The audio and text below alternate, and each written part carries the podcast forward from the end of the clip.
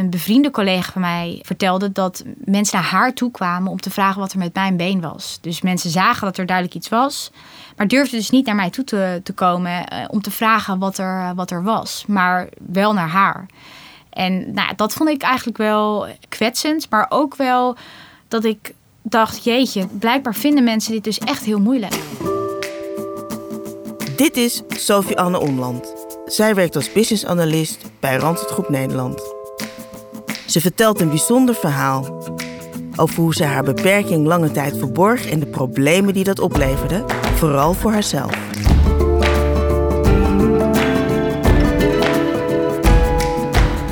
Dit is Je Beste Zelf Zijn, een podcast van Randstad Groep Nederland. In deze podcast gaan we op zoek naar hoe je het beste uit jezelf naar boven haalt in je werk. Wat is daar precies voor nodig? En wat kun je zelf doen? Mijn naam is Pearl Steffens en ik ga op zoek naar antwoorden.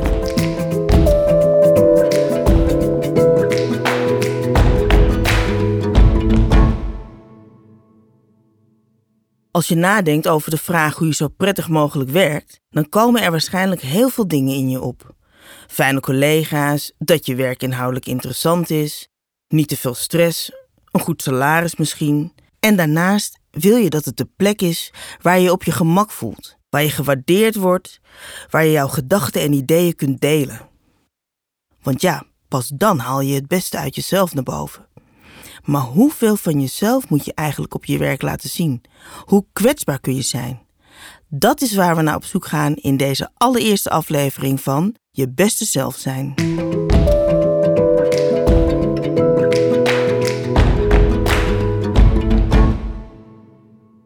We hebben allemaal een kwetsbaarheid. Meestal leren van jongs af aan om dat juist niet te laten zien, als een vorm van zelfbescherming. Sophie Anne weet het als geen ander. Haar kwetsbaarheid is fysiek.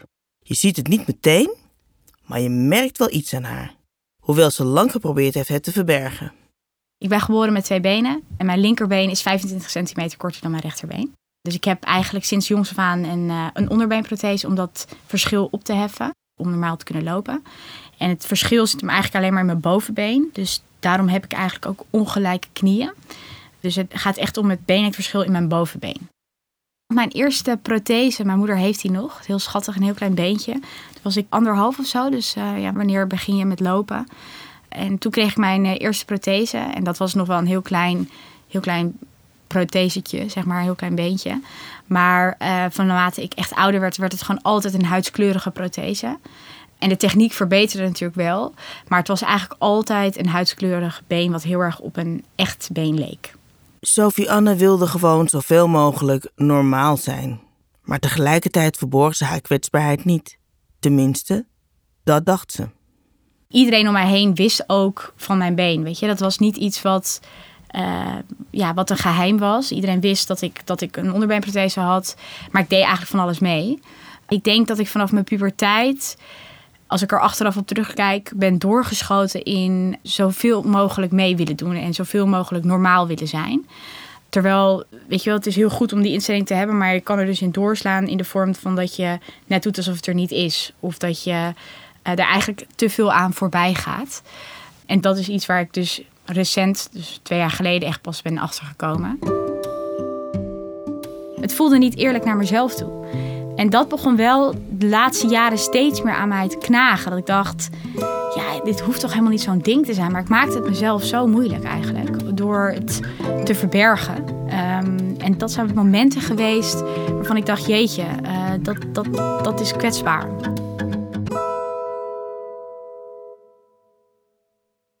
Eigenlijk het moment dat het mij heeft wakker geschud echt. En misschien wel onbewust iets in beweging heeft gezet, was eigenlijk begin van de COVID-periode. Toen was ik met een jongen aan het daten en um, nou, al wel een tijdje. En waren alle kroegen dicht. Dus toen uh, zijn wij thuis gaan afspreken. Maar hij wist het ook nog niet. Dus ik had mezelf wel al voorgenomen. Ik moet het hem ergens gaan vertellen. En nou, we hadden een hele leuke avond. En uh, op een gegeven moment zaten we tegenover elkaar. En toen zei hij, ja, wat is je grootste geheim? Toen dacht ik echt, hè? Waar, waar, waar heb jij het over? Je grootste geheim? heb ik niet. Ik ben best wel een open boek en ik heb niet echt hele grote geheimen. Dus ik zei, nou, dat, dat heb ik niet. Toen was stil en toen zei hij, maar, maar wat is er dan met je been? Nou, ik was wel stil. maar dat, dat was ook wel grappig. Toen hij ernaar vroeg, ik was even geschrokken en ik, en ik was dus stil. Maar ik dacht daarna wel, oké, nou, ik ga het hem gewoon vertellen. En dat heb ik ook verteld. En dat werd een heel mooi gesprek en ook een uh, kwetsbaar gesprek. Want hij ging zich vervolgens zelf ook veel kwetsbaarder opstellen. Dus dat is een heel mooi gesprek geworden. Nou, mooi einde toch? Maar dit was pas Sophie Annes eerste stap op weg naar kwetsbaarheid. Tot dit moment, daar op de bank in haar huiskamer, dacht ze dat ze geslaagd was in normaal zijn, in het verbergen van haar beperking. Alleen, dat was niet zo. Toen hij ernaar vroeg, zei hij ook: Ja, de reden ook dat ik het vroeg is dat elke keer als ik mijn uh, hand op jouw been legde, dan duwde je dat weg. En dat had ik op dat moment helemaal niet door. Dus zo diep geworteld zat het vermijden van dat been in die hele context. Nou, en dat was wel echt even confronterend. Om dat te beseffen. Dat daar toch nog wel werk aan de winkel was. En ze moest ook toegeven dat haar prothese niet helemaal voldeed. Het liep gewoon echt niet goed. Ik kon letterlijk, ik was een jonge vrouw van 27, ik kon maar 100 meter lopen zonder pijn. Nou, dat is gewoon natuurlijk niet echt, echt leuk. En toen ben ik al zelf op onderzoek uitgegaan van joh, er moet veel meer mogelijk zijn qua technieken. Sophie Anne komt in contact met Frank Jong. Hij ontwerpt protheses voor het Paralympische team van Nederland. En zij mocht bij hem langskomen. Dus ik daarheen. En uh, nou, dat is wel een mooi moment, want ik kwam daar aan met die, met die prothese. En ik had ook het idee, nou, weet je wat ik wil? Ik wil eigenlijk precies hetzelfde, maar dan net even wat lichter en dat ik net even wat beter kan lopen. Maar ik wil een huidskleurig prothese en dan moeten er haartjes op zitten. En dan uh, aderen, ja, je had het helemaal. Dus dat, dat had ik allemaal in mijn hoofd zitten. Dus ik, ging naar hem toe. En toen ging ik dat vertellen. En toen zei hij, uh, ik ga je één ding zeggen. Je kan tien keer beter lopen. Ik ga een prothese voor je maken, dan kan je veel beter oplopen. Maar dat vond ik op dat moment helemaal niet interessant. Ik dacht, ik hoef helemaal niet beter te lopen. Ik wil gewoon twee normaal mogelijke benen. En hij zei, maar ik ga een mal voor je maken, een proefprothese. Maar het gaat er heel anders uitzien dan wat je nu hebt. Durf je dat aan? En toen dacht ik nog, nou, we zien dat, dat zien we nog wel. En toen zei hij ook, over dat uiterlijk hebben we nog wel. Maar dan ga ik een mal maken. En hoe ik werk is dat ik je dan een proefprothese voor uh, 1, 2 maanden geef. En dan ga je gewoon kijken hoe je loopt en wat je ermee doet. Een paar maanden later belt Frank haar op. De proefprothese is klaar. En toen, toen zag ik dat. En toen dacht ik, oh, wat vreselijk. Echt gewoon eentje met klittenband. En, en het was lelijk. En het was echt niks vergeleken met mijn oude prothese. En toen zei ik uh, van, oh, nu ben ik echt gehandicapt. Dat riep ik nog echt. Nu ben ik echt gehandicapt. En toen zei hij van, um, oké, nou weet je, het is toch geen mooi weer. Doe je lange broek aan. Maar het gaat mij om het lopen. En dat, het, het mooie was, ik deed hem aan. Hij zat meteen lekker. En ik dacht, wat is die licht? Hij was ook een kilo lichter, moet je nagaan. Dus mijn andere prothese was 2,5 kilo. En deze is 1 kilo en 250 gram of zo. Dus dat, is, dat scheelt echt best wel. Wat je steeds maar mee moet slepen. Dus dat was het al dat ik dacht, jeetje. Het liep ook veel beter. En, nou. Maar een week later werd het zomers warm. En Sophie Anne had een afspraak buiten. Vrijdagavond zou ik met een vriendinnetje gaan eten. Ik dacht, ja, ik ga nu toch niet met een lange broek aanlopen. Dat, maar goed, dat, dat uiterlijk, ja, dat was echt, dat vond ik echt een ding. En ik, ik maakte me, kan ik ook wel eerlijk zeggen, ik voelde me heel naakt. Eh, nou, ook wel onzeker. En ik dacht, oh. Maar toen stond ik voor de spiegel en toen dacht ik, oké, weet je wat ik ga doen? Ik ga even een, uh, blokje omlopen naar de Albert Heijn. En dan ga ik even kijken hoe ik me hierbij voel. En als ik me er niet goed bij voel, doe ik alsnog een lange broek aan. Dat rondje heeft eigenlijk mijn leven een soort van ook weer veranderd. Want Um, ik ging lopen en toen merkte ik eigenlijk ah, dat ik natuurlijk veel beter liep, maar dat wist ik al. Maar ook dat mensen keken, maar mensen keken heel anders. Um, voorheen durfde ik ook gewoon een rokje te dragen. Maar dan kwam ik op, op festivals bijvoorbeeld. Dan zeiden mensen: Ja, er is iets met jouw been, maar we kunnen het niet helemaal plaatsen. En dat is blijkbaar dus ook heel interessant. Dat is iets. Als mensen iets zien wat heel echt lijkt, maar toch, net zoals Madame Tussauds, waarom kijk, vinden mensen dat heel leuk om daar zo lang naar te kijken? Uh, omdat het zo echt lijkt, maar toch net niet. En dan gaan mensen juist langer kijken en onderzoeken van wat is dat nou? En nu ging ik naar buiten en nu merkte ik dat mensen zagen, ja, zij heeft een onderbeenprothese. Dat is meteen duidelijk. Het is meteen helder. Ze keken wel, maar het was nou herkenbaar. Check. Met elke stap die ze zet, valt er een last van haar schouders af. Ze voelt zich echt bevrijd. Ze gaat met blote benen naar haar vriendin en die reageert enthousiast. Haar nieuwe prothese is tien keer mooier dan de oude. Frank Jol maakt voor haar de prothese af en Sophie Anne draagt hem met trots. Ja, en iedereen zegt nu wat een vet prothese. En ik heb nu, denk nu inmiddels tien verschillende hoesen. Dus uh, ik was twee weken geleden op een feestje en dan heb ik een glitterhoes om. En dan komen er echt twintig mensen naar me toe en die zeggen, oh wat vet. En mag ik een foto maken en zo. Dus dat is best wel leuk om dat dan zo te zien. Ik krijg ook sowieso veel meer reacties hoor. Mensen voelen zich veel meer uitgenodigd om naar je toe te komen en zeggen: Mag ik je wat vragen? Wat vet, waar is het van gemaakt? Weet je wel? Dus dat is ook wel, wel leuk om te zien. Mensen willen heel graag ergens bij horen, maar ze willen ook heel graag erkend worden in hun unieke kenmerken.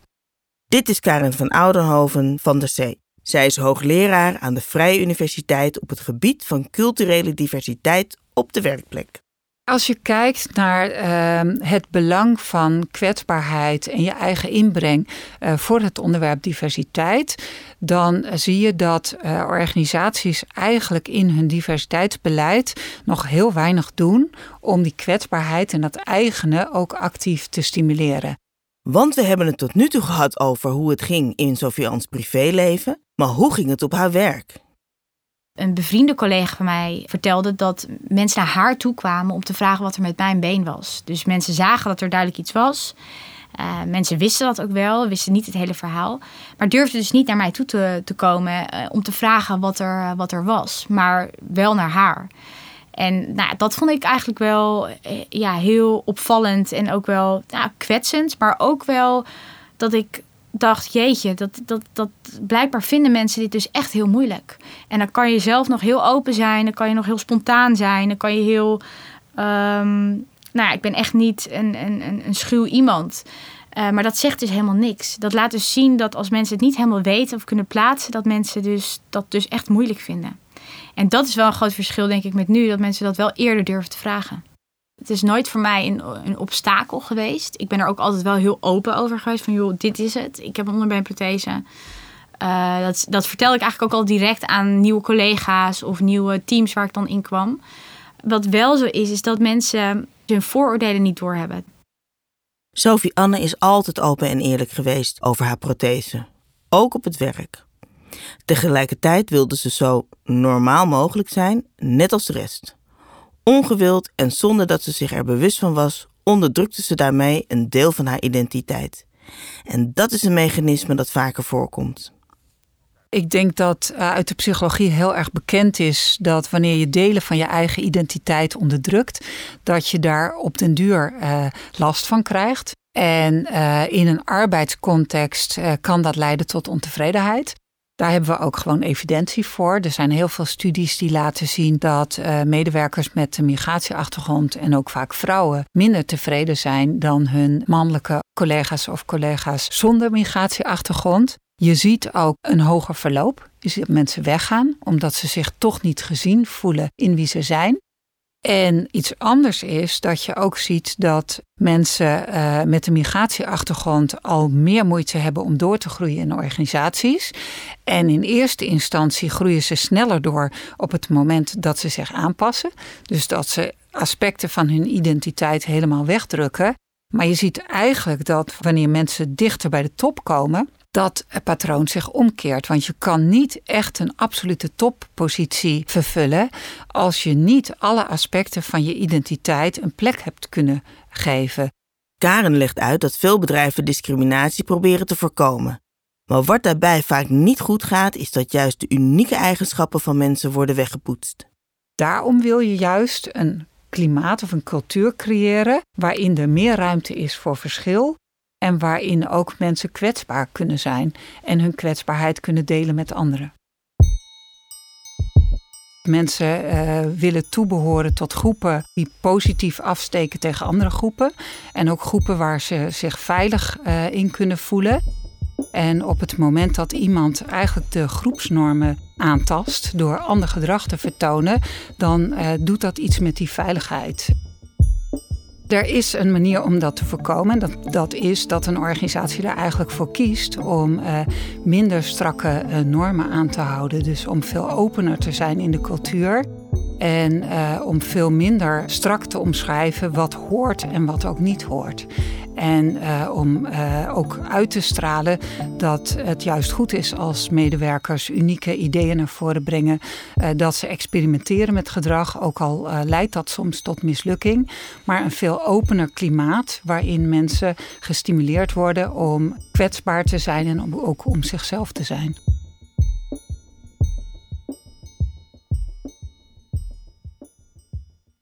Een omgeving waar je je beste zelf kan zijn, begint volgens mij met heel veel respect uh, uitstralen. Maar met andere woorden, eigenlijk ook uh, ja, je oordeel uitstellen. Dit is Dominique Hermans, CEO van Randstad Groep Nederland. Als je met mensen samenwerkt, je zit met mensen in één kamer, je moet aan een project werken of je ontmoet elkaar, het maakt eigenlijk niet uit uh, hoe uh, dat precies ontstaat, dan hebben mensen snel de neiging om iets te beoordelen of een oordeel te vellen en er iets van te vinden van de ander. En als je dat zo lang mogelijk kunt uitstellen en je kunt een omgeving ervaren waarbij je dus niet beoordeeld wordt, maar gewoon waar je oprecht naar je geluisterd wordt, of er oprechte interesse is in wie je bent, dan uh, creëer je volgens mij een mooi klimaat of een mooie omgeving um, om kwetsbaar te kunnen zijn, hè? om jezelf gewoon te blijven, letterlijk. En het bijzondere is, Dominique is tot dit inzicht gekomen uit eigen ervaring. Toen ik um, uh, zeven jaar geleden naar Nederland kwam, toen had ik het geluk uh, om in mijn langere carrière bij Randstad zeg maar, van België naar Nederland te komen en jezelf weer terug een keertje uit te vinden in een andere cultuur. Dus dan ben je best wel heel bewust van het feit dat het anders zal zijn. Maar toen ik kwam, merkte ik wel heel erg dat de, de, de manier waarop ik leiding geef, die best wel participatief is en heel vaak de vraag ook aan het team stelt van wat vinden jullie ervan en hoe zouden jullie het aanpakken, dat dat heel erg snel beoordeeld werd uh, in het begin. En dat het oordeel uh, bijna was van... God, waarom zit je het ons allemaal te vragen? Je bent naar hier gehaald, dus jij bent de baas, tussen haakjes.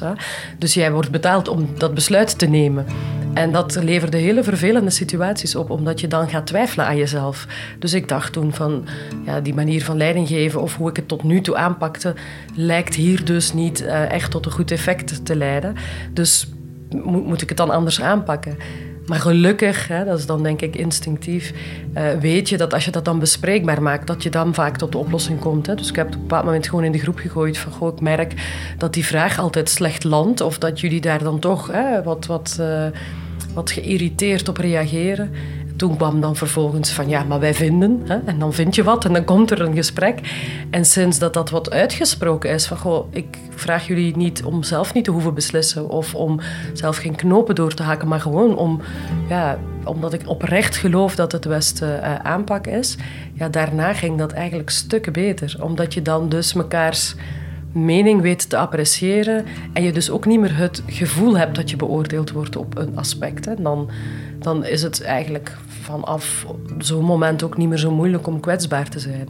Mensen gingen plots vertrouwen dat er iets goeds ging gebeuren met hun mening en dat het ook wel degelijk iets was wat uh, meegenomen zou worden in de besluitvorming of in de ideeën of in ja, hoe je een project ging formuleren. En ik denk dat vertrouwen toch ook wel een hele belangrijke basis is. Veiligheid is natuurlijk ook dat je, uh, nou ja, dat je als organisatie een norm hebt dat juist dat afwijkende mag. En dat je iemand niet uh, zijn kop eraf hakt op het moment dat hij iets naar voren brengt wat niet helemaal in het plaatje past. Dus een uh, leider die uh, leiding geeft aan een groep met mensen die divers zijn en waar je ook echt die, die kwetsbaarheid op een positieve manier een plek wil geven en misschien zelfs ook wel wil benutten die moet aan de ene kant zorgen dat mensen in het team zich veilig voelen en niet onzeker. En dat wil je juist niet doen door te zeggen: hier zijn de normen en wees niet bang, want je weet precies wat je te wachten staat. Je wilt juist die ruimte creëren voor die verschillen. En dat betekent dat je heel helder moet zijn over waar je met z'n allen in het werk naartoe beweegt. Dat je de uiteindelijke doelstelling van waarom werkt een team samen en wat willen ze samen bereiken, dat je die heel scherp maakt. En aan de andere kant ook dat je heel veel doet om te investeren in onderlinge relaties.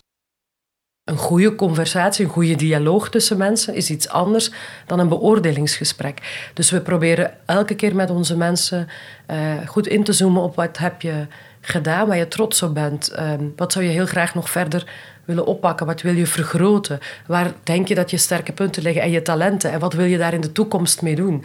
En op die manier kom je natuurlijk vanzelf ook wel uh, aan die punten die dan minder goed gaan. Of waar iemand denkt van, dat zou ik heel graag zelf wat bijschaven. Daar wil ik in ontwikkelen. En hoe kunnen we dat dan oppakken? Dus dat is zo'n interventie die we doen of hebben gedaan. Die we ook echt wel blijven volhouden. Omdat we denken dat daar een hele grote, ja, grote beweging ontstaat. Dat je echt oprechte aandacht ergens ook een soort van kunt organiseren. Als je dat al probeert te doen, dan weten leiders inmiddels dat inclusief kijken naar hun team een, een echte asset wordt. Hè? Dat je daar dus echt uh, uh, beter van wordt. En dat je heel veel kunt leren van elkaar. En dat een mening, één mening, eigenlijk zelden tot het beste resultaat leidt. Maar net de diversiteit aan ja, achtergronden, leeftijden, ervaring. En dan heel breed, hè? want het maakt dan niet uit waarvan je, uh, waarvan je vertrekt. Hè? Welk je, je vertrekpunt is. Het kan een cultuurverschil zijn. en dat maakt het zoveel mooier en zoveel beter. Wij zijn graag verpleegkundigen, we helpen graag mensen, uh, want dan hoeven we zelf niet kritisch naar onszelf te kijken. En dan hoeven we dus ook niet na te denken over de vraag of de normen die wij hebben wel de enige beste normen zijn. Of dat er misschien mensen andere normpatronen hebben uh, die, die net zo de moeite waard zijn en waar we wellicht een heleboel van zouden kunnen leren.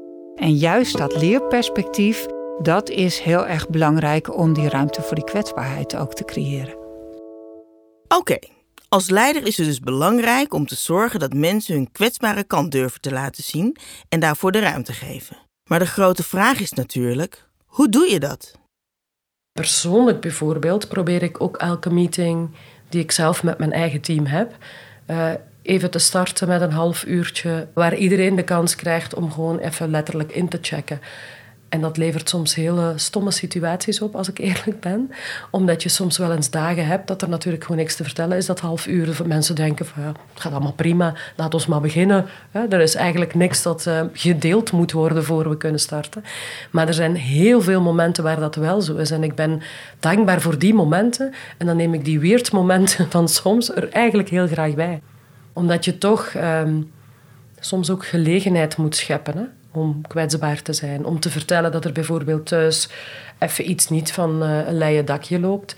Dat je daar toch wat bezonjes hebt, dat je daar wat bezorgd over bent. Je zit daarmee en dan heb je een drukke meeting. En als je dat niet kunt benoemen, dan is dat de hele meeting een punt. Als je dat één keer kunt vertellen, voel je je vaak al veel geruster. Dat als er dan een keer misschien een telefoontje tussendoor komt van thuis, hè, als er wat acuut is... Um, en dat collega's dat ook niet raar vinden. En dat je dat dan niet al, allerijl nog moet uitleggen. En het geeft mensen ook daar weer het vertrouwen dat ze zichzelf mogen zijn. Dat je bij wijze van s ochtends niet uit je bed moet komen en een of andere harnas moet kruipen en op die manier naar je werk moet gaan. Maar dat dat mag met alles wat daarbij hoort, de goede dingen. En soms ook gewoon de moeilijke dingen of de vervelende situaties of de emoties waar je in zit, eh, wat dan ook.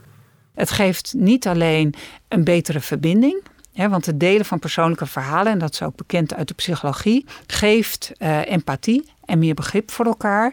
En tegelijkertijd maakt het ook de weg open om vanuit het verhaal van iemand uh, te kijken naar: oké, en hoe kunnen we het in het werk dan samen beter doen en de complementariteit van onze verhalen gebruiken om met elkaar creatiever te zijn en beter werk te leveren.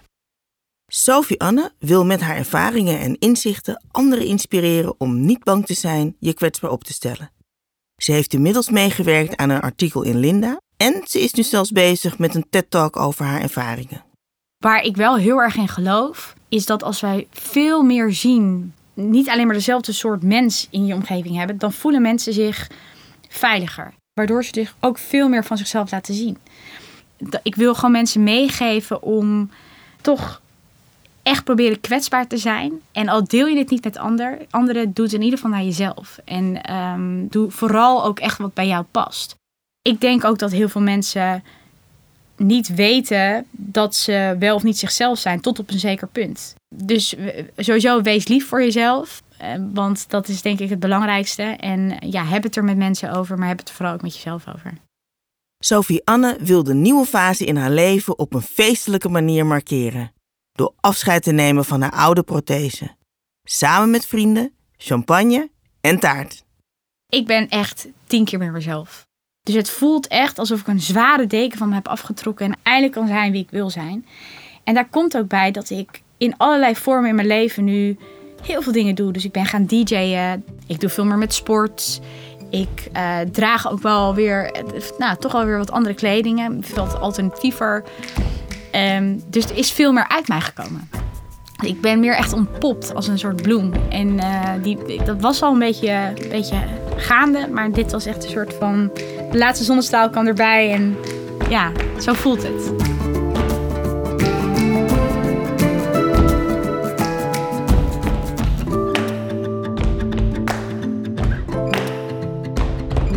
Dit was Je Beste Zelf Zijn, een podcast van Randstad Groep Nederland. Wil je geen aflevering missen? Zorg dan dat je je abonneert in je podcast app. Mijn naam is Pearl Steffens. Dank voor het luisteren.